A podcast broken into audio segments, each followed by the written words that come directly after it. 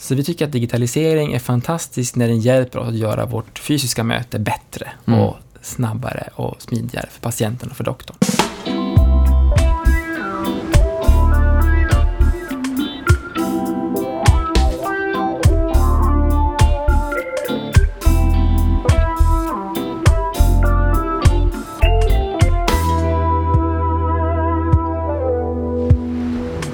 Hej och välkomna till Vårdfrågan. Det är en podd, en podcast där vi pratar om hur vi kan ge ännu bättre vård till ännu fler patienter. Den frågan har inte ett jätteenkelt svar och därför så frågar vi vid varje tillfälle en expert inom ett specifikt vårdområde utifrån ett aktuellt ämne. Jag är i Piteå för att hälsa på CD-kliniken. Jag sitter här med läkaren, allmänläkaren, distriktsläkaren Petter Torda. Vi ska idag prata lite om digitala vårdmöten och försöka se om vi kan hitta någon vinkel på det i glesbygd. Jag tänker, vi kan ju inleda här med att du Petter bara berättar några ord om dig själv och var vi är någonstans. Ja, absolut Erik. Eh, Petter Torda heter jag som sagt eh, och jag är distriktsläkare och verksamhetschef här på Cederkliniken i Piteå. En vårdcentral som startade för eh, åtta år sedan och och eh, nu har vi 12 000 patienter och ungefär 40 personer som jobbar här. Vi befinner oss alltså i Piteå, en, en mindre ort med eh, eh, ungefär 40 000 invånare. Och av dem har då en dryg fjärdedel valt att att gå och få sin vård hos oss. Då. Mm. Ja, det är väldigt fint här. Det är andra gången jag är i Piteå. Förra gången jag var här var en ganska kulen aprildag, eh, 2014. Nu är det ju strålande sol, det är vacker höst. Eh, Brittsommaren är som bäst. Ja, brittsommaren är som bäst. Mm. Eh, och du har ju flyttat hit råkar jag veta, du är inte från Piteå. Nej, jag är från Boden. Det är visserligen bara Ja. 7,5 mil nordväst om Piteå, så det är ju ganska nära. Ja. Men eh, nej, vi hamnade här efter utbildning och, och, och eh, jobbsökning, min fru och jag. Okej, och du trivs? Absolut. Superhärligt. Ja. Vad är det som är så bra med Piteå då? Piteå är precis lagom stor stad. Det är nära till allt. Eh, vi bor mitt i stan i en eh, villa från 1700-talet eh, och jag har fem minuter till jobbet och då hinner jag nästan lämna på dagis på vägen, höll jag på att säga. Nej, men det är nära till allt. Det är oerhört praktiskt att bo här och det är trevligt och det är lagom stort. Och människorna är trevliga och tillgängliga. Nej, vi trivs jättebra i Piteå. Ja. Kul. Du har ju fem minuter till jobbet. Min Mm. bild av eh, den här delen av landet är annars att det är ganska stora avstånd. Mm. Eh, och det är lite det som vi ska prata om idag. Vi ska prata om digitala vårdmöten, nätläkartjänster, digitala verktyg, lite sådär som ju förenklar livet för både dig som läkare och för, för patienter. I vissa fall kanske att man inte behöver åka så långt, att man Mm. kan chatta eller göra en videolänk eller sådär. Eh, så jag undrar hur, bara lite övergripande, hur arbetar ni med digitala lösningar skulle du säga? Det är väl säkert massor med olika och då tänker jag sånt som är Mm. patientnära huvudsakligen. Ja. Ja, vi är ju, vi är ju en, ändå en stadsvårdcentral, men vi har ju folk som åker eh, till, till oss, åker 15 mil alltså till oss eh, för att komma hit och träffa doktor och sköterska och sådär. Men, men eh, i grunden har vi ju nära, de flesta befolkningen bor har ändå nära till oss och då har vi ju digitala lösningar för att hjälpa oss med det fysiska mötet, för att det ska gå så smidigt som möjligt. Och där har vi ju då eh, framförallt en, en digitaliserad eh, akutmottagning kan man säga, en så kallad lättakut där man har ett datorstöd eh, som att man som patient kan söka på en drop-in-mottagning för 13 olika definierade åkommor och sen så får man själv ange på en dataskärm vilka besvär man har, hur länge man har haft dem och sådär. Och sen så träffar man en sköterska, oftast också en läkare, och då är det så att systemet är så fiffigt att utifrån patientens sjukdomshistoria och de då fynd som jag som doktor kryssar i, i på dataskärmen så gör den en journalanteckning åt mig som jag bara behöver godkänna. Så det går väldigt snabbt. Eh, med all, all logistik och administration blir mycket effektiv och då kan man lägga tid på patientbesöket istället. Vilket innebär att vi kan hantera ungefär mellan 6 och 10 besök per timme i det här systemet. Mm. Så vi hinner med jättemånga besök och vi kan ha väldigt hög tillgänglighet för våra patienter. Mm. Eh, Just för de här enklare akuta åkommorna. Och för primärvårdens del så, så är det ju ungefär en tredjedel av alla besök kan man hantera på lättakuten. Eh, För vi, vi ska ju ta hand om alla som är förkylda och har ont i magen och det är liksom enklare åkommor som inte är så allvarliga. Sen har vi en akutmottagning som ligger också ungefär sex minuter härifrån då. Eh, men, men vi ska ju kunna ta hand om det mesta hos oss. Faktiskt. Och det kan vi göra med det här systemet, det är fantastiskt bra.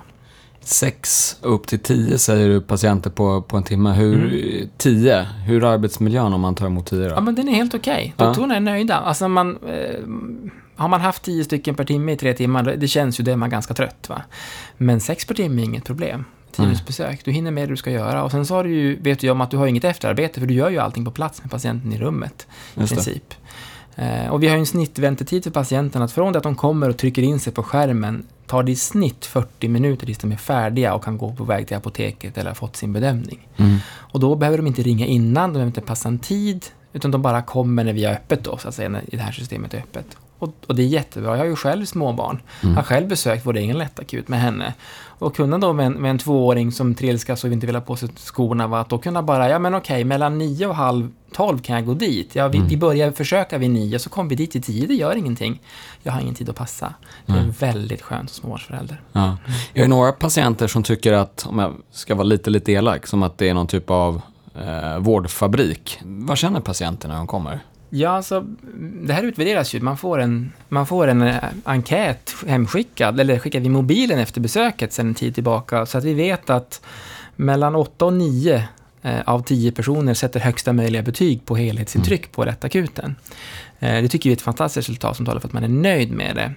Och vi har haft det här nu i ett och ett halvt år och vi har haft eh, över 8000 besök. Mm. Och jag har haft två klagomål från patienter som jag behövt hantera på de Mm. 8000 besöken. Så det tycker vi är ett jättebra resultat.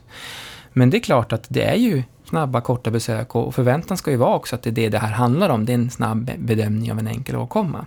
Mm. Men vi har också lagt väldigt mycket tid på att eh, ha bra rutiner kring något som inte passar in i systemet. För det är ju så att standardiserat system som det här är passar kanske 9 av 10 patienter, men den där tionde av 10 den behöver vi ju kunna ta hand om också, Mm. om man nu kommer så att säga fel. Det är inte patientens fel att man råkade trycka fel. Va? Då får vi försöka hjälpa till så gott vi kan och det har vi lagt mycket fokus på. Mm.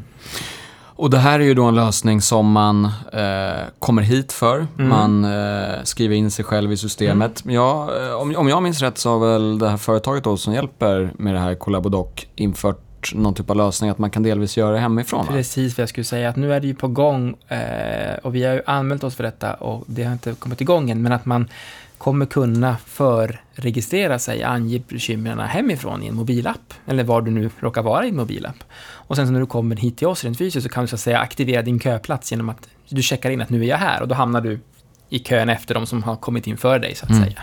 Så du kan inte förboka köplatsen, utan du, bok, du, men du kan göra allt färdigt hemma och se om det passar in. Mm. Eh, Det tänker vi kommer att lyfta tillgängligheten och göra det ännu smidigare för våra patienter. Då. Mm. Och när hoppas du att ni ska börja jobba med det här då? Så snart som möjligt. Ja.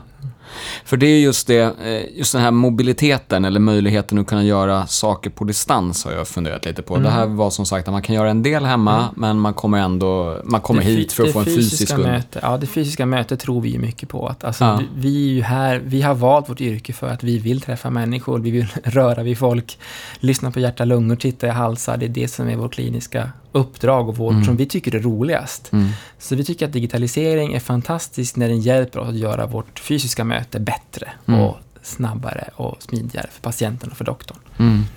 För jag tänker, det finns ju en annan del i det här som ju är helt eh, distansbaserat. Det Mm. finns ju flera olika branschkollegor som jobbar enbart över nätet med antingen chattfunktion eller videofunktion och Praktikertjänst håller också på att utveckla en sån Mm.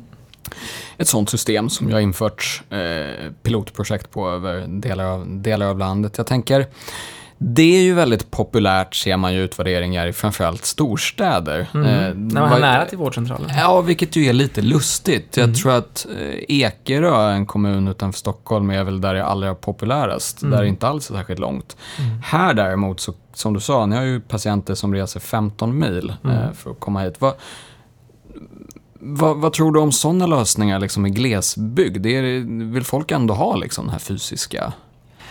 Alltså vi, vi har ju som sagt, de flesta har nära till oss, men vissa har långt åka. Och vi ser absolut att vi skulle vilja ha ett sådant system som gör, möjliggör som ett komplement till vår Mm. grundverksamhet. Att till exempel, om vi har patienter som bor 15 mil härifrån så kan man ha en uppföljande besök via distans. Mm. Men du har ändå din doktor här, du har din kontakt eller din terapeut eh, här. Det pågår Mm. försök i Norrbotten att man har eh, bedrivit terapi på distans framgångsrikt Mm. gentemot mot glesbygden. Och det är ju en jättebra idé att när man då kan ersätta det fysiska besöket med, med ett digitalt besök. Men jag ser ju inte att det kommer att kunna ersätta till exempel vår lättakut på något sätt. Därför att vi tänker att vi gör vårt jobb allra bäst när vi har patienten i rummet mm. som grund. Men har jag väl bedömt någon med psykisk ohälsa och depression och vill följa upp och vill få en mer fördjupad bild än bara via telefon, mm. då ger ju en bild någonting mer, en mm. rörlig bild då. Och där är det en jättefin komplement till den fysiska vården som också finns. Mm. Får du några frågor om det här från patienter? Om uh, när ska ni införa videolänk eller chatt eller så? Eller är det, är Faktiskt för... inte. Ni får inte det? Nej. Nej. Äh, jag, jag, nu, om jag bara får lov att be dig att spekulera lite, som ändå jobbar här, vad, eller som läkare. Varför tror du att just sådana här tjänster är så populära i just storstadsområden och inte där jag som lekman tror att det kanske skulle passa ännu bättre, det vill säga här uppe där det är lite glesbefolkat? Ja, eh, som boende i en småstad måste jag lite diplomatisk gentemot storstäderna då, men jag tror väl att det handlar om att det finns en, en vana av, av digitala tjänster. Fast annars det har man ju här också. Eh, men det kanske också är vad man har för förväntan hur, hur saker och ting ska fungera och vilken servicenivå man är van vid. Ja. Eh, om man har en hög förväntan på tillgänglighet till sjukvården, eh, eller jag kan tro att förväntan på tillgänglighet till sjukvården är högre i Stockholm än vad den är i Piteå. Mm. Jag kan tycka att förväntan på sjukvården är kanske för hög i Stockholm. Mm. Eh, och kanske mer rimlig i Piteå. Mm. Eh, och, och, därmed så finns det här behovet av omedelbar tillfredsställelse, omedelbar läkarkontakt, omedelbar hjälp för mm. det här ganska banala. Eh, och vi vill ju hjälpa till, men det finns ju strukturer som inte, inte dränerar resurser från primärvården. Det mm. finns ju 1177 som är ju en gratistjänst och det finns telefonrådgivning som kostar ingenting. Jag tror att, att man har väl, sen har vi marknadsfört så hårt också i storstadsregionerna. Mm. Kanske det kan bidra. Mm. Men om traditionen hos oss är att använda telefonen när du är sjuk, så tror jag att det är en bra tradition vi ska slå vakt om. Mm. Eh, och utifrån den telefonkontakten, den bedömningen, om, vi då, om du då har långt att åka och vi kan erbjuda ett, ett distansbesök, det är väl en bra sak. Men, men det, vi ska inte ersätta telefonrådgivning med distansbesök och få mm. betalt för det heller. Där pengarna tas från primärvården mm. på din hemort. Tycker jag om man drar frågan till sin spets då, har, jag, har det blivit för lätt att söka sjukvård? Det är ju svårt att säga. Jag tror att det har blivit för lätt att få kontakt, läkarbedömning för vissa saker som inte behöver en läkarbedömning mm. på en gång. Eh, jag tycker att att kunna komma samma vardag som du har en, en, en akut, till exempel förkylningsåkomma eller ont i örat, Få komma en vardag snabbt utan tidsbokning till din vårdcentral, det tycker jag är en rimlig tillgänglighet för en sån åkomma. Mm. Att mitt i natten kunna koppla upp sig och via distans få ett antibiotikarecept eh, för en sån åkomma tycker jag inte är rimligt. Mm. Eh, sjukskrivningar vid distans är jag också väldigt tveksam till, för du behöver ju faktiskt ha en fysisk undersökning väldigt mm. ofta för att kunna se vad det handlar om och ha en fördjupad kunskap. Eh, därmed inte sagt att man inte kan förlänga sjukskrivning om man har träffat patienten en gång. Mm. Så att säga. Men det, mm. Det finns inga, jag är inte helt påläst där, men det, är inte, det finns inga regelverk kring, kring det, huruvida man får sjukskriva över liksom, sådana här tjänster utan att ha träffats fysiskt. Jag vet, inte vilka, jag vet inte vilka krav Försäkringskassan ställer. Nej. Eh, jag har hört, utan att kamrater ska kunna veta, har det bekräftat att man ställer krav att man ska ha haft en live video kontakt, alltså ja. för att kunna få skriva ett sjukintyg. God, godkänns inte med så kallad asynkron kommunikation, alltså chatt kan man inte använda så. Men att det godtas. Eh, och vissa, vissa sjukdomar syns ju inte så mycket på utsidan och där kan Nej. det vara rimligt faktiskt. Det har ju, vissa av de här digitala vårdgivarna har ju kritiserats en hel del eh, från eh, enskilda läkare, branschorganisationer och sådär för att de sägs då dränera primärvården på resurser. Att läkare får jobba för mycket med enkla förkylningsåkommor över en telefon istället för att liksom fokusera på de riktigt behövande. Man ska säga. Tror, att det fin- tror du att det finns någon sanning i det? Ja, det är ju som lite både och det där. Jag tänker, det är samma kritik hörde vi inför vården, den här lättakuten vi skulle införa. Att då har vi ju massa onödiga läkarbesök och vi ser ju inte de här besöken som onödiga. Så att, svårt att säga så rakt av. Jag tror att när det gäller de här digitala vårdtjänsterna som har kommit så, så gick det ju väldigt fort och det var lite för bra i början. Man fick ju extremt hög ersättning. 2000 mm. kronor per digitalt besök var ju första ingången. Eh, och att få 2000 kronor för att, för att via videolänk titta någon i halsen, det ju att det är helt orimligt. Nu är det nedsänkt till 650 kronor som är kanske en mer rimlig nivå då. Eh, men jag tror att det blir lite för bra, lite för lätt och det blir lite väl mycket kanske Klondike över det hela då. Mm. Vilket nog gav utrymme för en del oseriösa aktörer att mm. försöka karva guld. Eh, sen så har jag ju jag har goda intryck av eh, ett flertal av de här digitala aktörerna som är väldigt mm. seriösa att försöka utveckla. Jag tror att det är bra. Det här kommer alltid finnas där i framtiden. Och jag tror att risken är att om vi avfärdar all digital vård som, som att det är eh, charlataner som vill, som vill skinna vårdcentralen på pengar, mm. då kastar vi ut barnet med badvattnet. Och det är inte så lyckat, för det här har absolut en plats. Men man behöver ju hitta vad som är rätt form för mm. det eh, och, och, vad som är rimligt och sådär. Både ersättningsmässigt och i praktiken och vilka åkommor som man kan hantera och inte sådär. Och det tror jag kommer att komma. Det granskas ju, det är väl Socialstyrelsen tror jag, eller om det är IVO som granskar digital vård och håller på att titta på det här och Göran Stiernstedt har väl fått också tilläggsdirektiv i sin utredning om att titta på det här. Så det kommer ju att komma. Eh, så jag tror att om, om, om 15-20 år har vi säkert en, helt normal, normaliserad relation till vad digital vård är och vad det kan erbjuda, vad det lämpar sig för och vad det inte lämpar sig för. Mm. Eh, kanske sitter vi i samarbete så att, så att vi samarbetar med en digital aktör eh, mm. då som vi hänvisar till. Om inte vi har en själv så kan vi hänvisa till ett samarbete för våra patienter utanför kontorstid till mm. exempel. Mm. Eh, det är mycket möjligt och det är ju en jättespännande tanke. Mm. Som du var inne på där, det har, jag tror att såväl IVO som Socialstyrelsen som Göran Stiernstedt, alla de tre tittade tror mm. jag på digitala vårdgivare eller digital vård men utifrån lite olika ingångar. ingångar mm. ja. Och Socialstyrelsen tror jag faktiskt ska vara klar nu ganska snart och IVO tror jag har det som någon typ av granskningsområde under hela 2018 Mm. halva 2018 och delar av 2019. Att man då ska specialstudera de här mm. lösningarna för att se hur det liksom fungerar. Men jag tycker det som också har kommit upp lite i debatten om liksom vård över nätet och sådär är just liksom vilka besvär som är lämpliga, vilka som är mindre lämpliga. Du var inne lite på sjukskrivning, mm. antibiotikaförskrivning och sådär. Hur ska man liksom hur ska man tänka där som både patient och läkare? Vad, Ja, där har vi ju tyvärr haft ett antal skräckexempel ja. eh, av patienter som har, har haft kontakt med, med digitala vårdgivare och fått utskrivet antibiotika helt, på helt felaktiga grunder. Mm.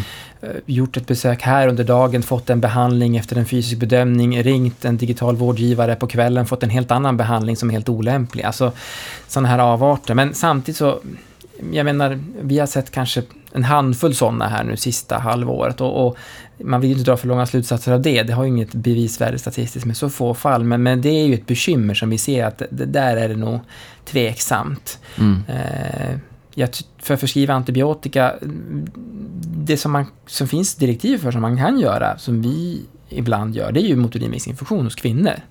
Där finns det faktiskt kriterier man kan använda sig av för att förskriva utan ett urinprov och så. Och det gäller ju naturligtvis, kan vi göra det via telefon, kan man göra det via via eh, distans digitalt också förstås. Mm. Men övriga infektionsåkommor som jag behandlar, bara på, så här på rak arm, jag menar hals, halsar, öron, hud, ja, höjdinfektioner möjligtvis kan du kanske bedöma, men alltså halsar, öron, luftvägssjukdomar, lunginflammation ska absolut man ska lyssna på. Där behövs det en fysikalisk undersökning. Mm. Eh, för att kunna ta ställning till behandlingen. Mm. Lunginflammation tror jag är ett case som har varit uppe. Ja. Just att man har diagnostiserat det och förskrivit ja, antibiotika. Och det, via... Jag skulle aldrig kunna diagnostisera en lunginflammation utan att se patienten. Nej. Eller ha minst i alla fall ett blodprov. Nej. Men det är inte heller tillräckligt faktiskt. Nej, den är jag tveksam till. Ja. Men kan man, jag tänker för lunginflammation där, lustigt att du tar det exemplet, jag hade det förra året. Och då eh, var just då på, på min vårdcentral mm. och hon lyssnade på mina lungor och sådär och sa hon, du har lunginflammation men jag vill mm. att du går och tar ett, eh, en röntgen för att jag ska mm. vara säker. Mm. Skulle man kunna göra, det borde man väl ändå kunna göra via nät, att man, eller kan man, tror jag ens man kan liksom Eh, ska man liksom skicka någon till röntgen utan ens ha lyssnat på lungorna? Liksom? Det finns ju samverkansformer, vad jag har hört och förstått, mellan digitala vårdgivare och till exempel provtagningar. Ja. Så man kan komma och ta ett prov på fysiskt och sådär. Och, och, och, det kommer väl att komma mer och mer så. Och det är ju upp till röntgenavdelningen om de, om de tar emot en remiss utan att man har lyssnat på lungorna. Just det. Det är de som bestämmer det, det är remisskrav och säger att nej men vi, vi accepterar inte en röntgenremiss. För de har ju också strålningskrav på sig själva, alltså det är ju röntgenstrålning, ska vara en adekvat indikation för undersökningen. Då kanske de tycker att nej men har inte du lyssnat så kan inte du bedöma om det behövs en röntgen. Eh, och därmed så tar vi inte emot remissen. Men det är ju röntgendoktorn som måste bedöma det. Just det, ja, men det låter ju i och för sig som en eh, rimlig ingång att det ska, att det ska någonstans stämma, stämma av innan.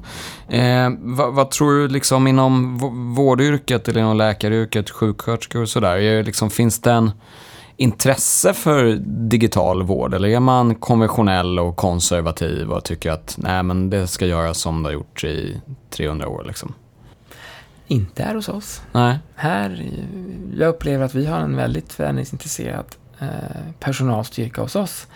Men sen är det ju väldigt så, jag tror det är stora individuella skillnader. Ja. Eh, så, jag tror så, vårdfolk är ju som folk är mest, vissa tycker det är jättekul med förändringar.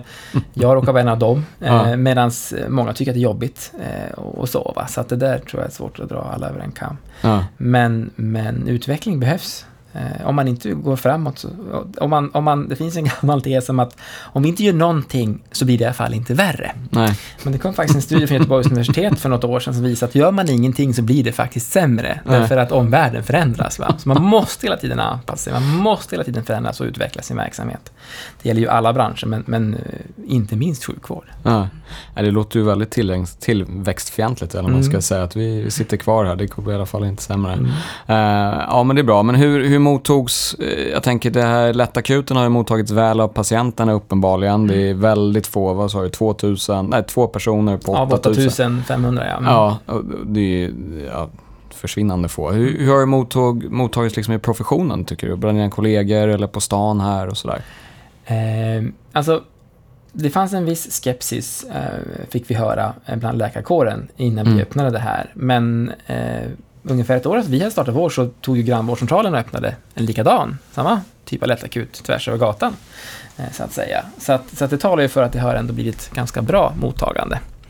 Eh, och att det finns ett, en, en, tank, en tanke och tro att det kan vara en bra sak. Och nu mm. har ju mm. regionen aviserat, alltså landstinget har aviserat att man vill ytterligare införa det i Luleå, en större stad norrut, ska man ha mm. en sån här lättakut på någon vårdcentral under nästa år. Mm. Som en sorts vallöfte. Eh, så, att, så att det är vi positivt. Eh, och hos oss, vi har ju naturligtvis utvärderat själva arbetssättet och vi finjusterar och trimmar och utvärderar och ser, ja men hur funkar det här, hur kan vi göra så? Eh, och där är ju alla här är ju väldigt nöjda med det och ingen skulle vilja gå tillbaka till jobbet som vi gjorde innan. Mm. Och hur, du var inne på det, men landstinget och sådär. Hur ställer sig liksom uppdragsgivaren, landstinget, eh, till det här? Eller kanske region här uppe? Men, ja. Jag har bara fått positiva ja. återkoppling. Man har noterat att vi har väldigt mycket fler läkarbesök hos oss än tidigare. Eh, men bara frågat om det kan bero på lättakuten och det har vi ja. ju sagt att det gör det ju. Vi har ju eh, ungefär tio doktorer som jobbar här och, och eh, på den, den ensamma, de, det är två läkare som jobbar då fem timmar lättakuten måndag, resten av veckan är det en doktor som jobbar fem timmar per dag. Så vi lägger 25 läkartimmar på lättakuten och, och den, den, det blir ju en ungefär 60% tjänst. Den doktorn har lika många besök som resten av verksamheten har ihop mm. läkarbesöken. Va? Så vi har halva vår läkarbesöksfrekvens ligger på lättakuten. Eh, och det är också ganska talande så att säga, att det är ett jätteeffektivt system ja. för många besök. Sen är det bara enkla korta åkommor, men ja. om man kan standardisera det omhändertagandet och liksom lägga det på ett smart sätt så går det att jobba väldigt effektivt. Mm. Och det ser vi ju, att vi har fått det mycket lugnare på vår vanliga akutmottagning. Det är mycket lugnare och, och, och överallt är det mycket lugnare. Mm. För att det är inte en konstant inblandning och överbokning av de här akuta förkylningarna som ändå måste få komma. Mm. Utan de sköter vi på vårt effektiva sätt via lättakuten. Mm. Då får vi mer tid över för annat som är tyngre. Så att säga. Mm. Vi har varit inne då på den här lättakuten. Vi har pratat lite om vårdmöten kan man säga på distans mm. eh, och sådär. Är det någonting annat, någon lösning som ni funderar på, har sett någon annan som jobbar med, som skulle, jag tänker digitalt, som skulle kunna underlätta för både er och patienterna? Ja, dels så har vi inte pratat om att vi faktiskt använder digital teknik i distansmöten med samordningsmöten. Mm, okay. När vi träffas. Eh, då är det då, vi har två hemsjukvårdsläkare hos oss, varav jag är en av dem. Och då har vi ju sådana samordningsmöten med kommunen, oftast efter utskrivning från sjukhus. Mm. Så då är det eh, patienten, ofta anhöriga och så är det kommunens, eh, både hemsjukvårdsenheten och biståndshandläggaren som sitter hemma hos patienten med en padda. Och så är det kopplat upp mot mot oss. Eh, Mm. Och då har vi gjort så att genom att, i och med att vi kan göra det via distans, Mm. så kan läkaren vara med. Vi hade Mm. inte kunnat åka iväg tre gånger i veckan, eh, lägga en timme med restid etc. på detta, men genom att vi har ett möte via distans så blir det väldigt effektivt eh, och vi hinner då eh, Dels kan vi då vara involverade och titta över saker och ting och sen så märker vi också att det är en fördel att vara här för oss därför att jag har tillgång till, till journalen och till eh, dosdispenseringssystemet och sånt där. Så där använder vi ju just nu så att säga digital teknik. Mm. Eh, och tycker det är jätte, jättebra. Väldigt Mm. nöjda med det. Mm. Det enda nackdelen är att där har vi ju att de flesta eh, patienterna är ju äldre och har svårt att höra vad vi säger. Okej. Så då, får, då säger jag någonting och sen får personen på plats liksom översätta det vidare, reläa vidare det jag har Ja. sagt till patienten. För de kan, även om vi har högtalarfunktion och sånt på den här paddan de har med sig i hemmet, så räcker inte det för man ska höra när Okej. man är 80 år sådär, har nedsatt hörsel. Eh, det är ju vad vi har. Men sen så är vi ju väldigt nyfikna och intresserade av att införa då så kallad eh, digital anamnes, vilket är då, det finns olika system, olika aktörer för det här, där man då inför ett besök, ett bokat besök, ett planerat besök, så får man då eh, svara på ett frågebatteri beroende på vad du söker för. Mm. Och då, eh, det är någon sorts, ja, det finns olika frågeslingor, så att beroende på hur du svarar får du, du får en ny fråga beroende på hur du svarar på den förra. Mm. Eh, Och då får du som en färdigställd rapport innan, du ens ring, innan vi ens ringer upp dig som sköterska kanske, så har du sköterskan en färdigställd rapport av vad patienten faktiskt själv har beskrivit. Och den finns ju också med i själva besöket till eventuellt läkarbesök då.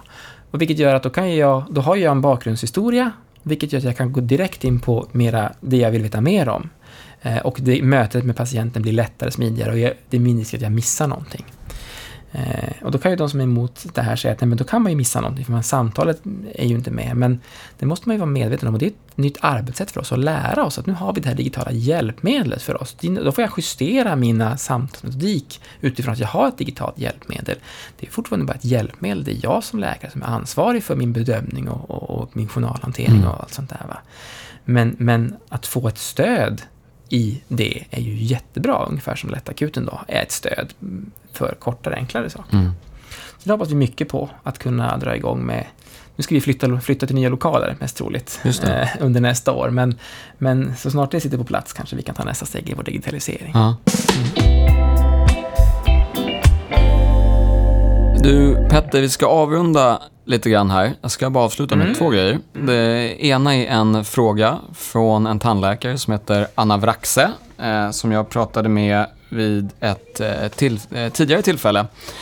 Hon skickade med en fråga av, eh, vad kan man säga, ganska klassisk karaktär, som handlar om eh, googlingar kan man väl säga. Mm. Eh, hon märker ju i sin vardag att det är många av hennes patienter som googlar innan de kommer till henne. Eh, Mm. ser vad, man, vad det kan vara för något och kommer med en egen diagnos.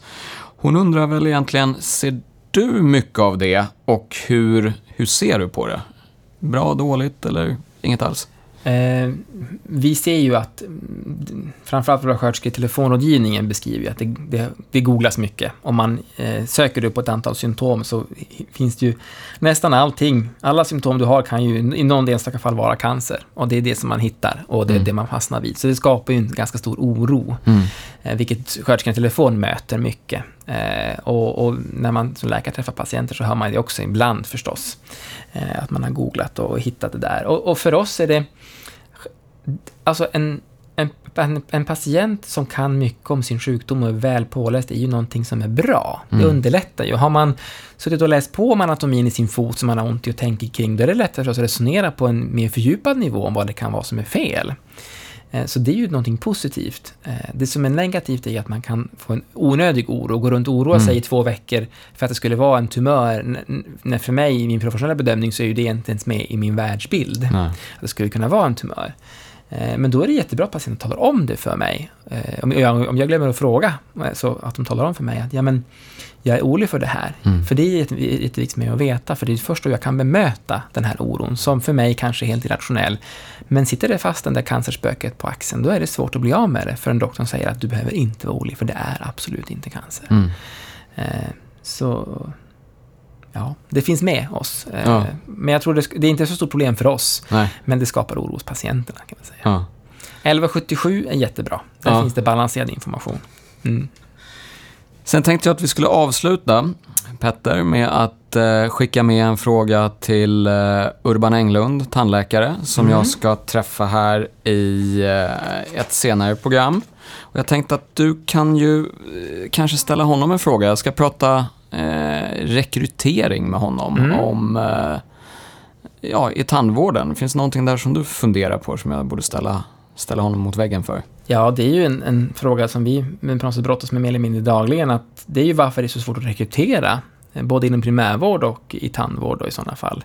Kanske framförallt i glesbygd och mindre städer. Mm. Jättebra. Jättekul att vara här Petter. Stort tack för att du Tack eh, tog dig tid. Eh, ja, vi avslutar. Tack och hej.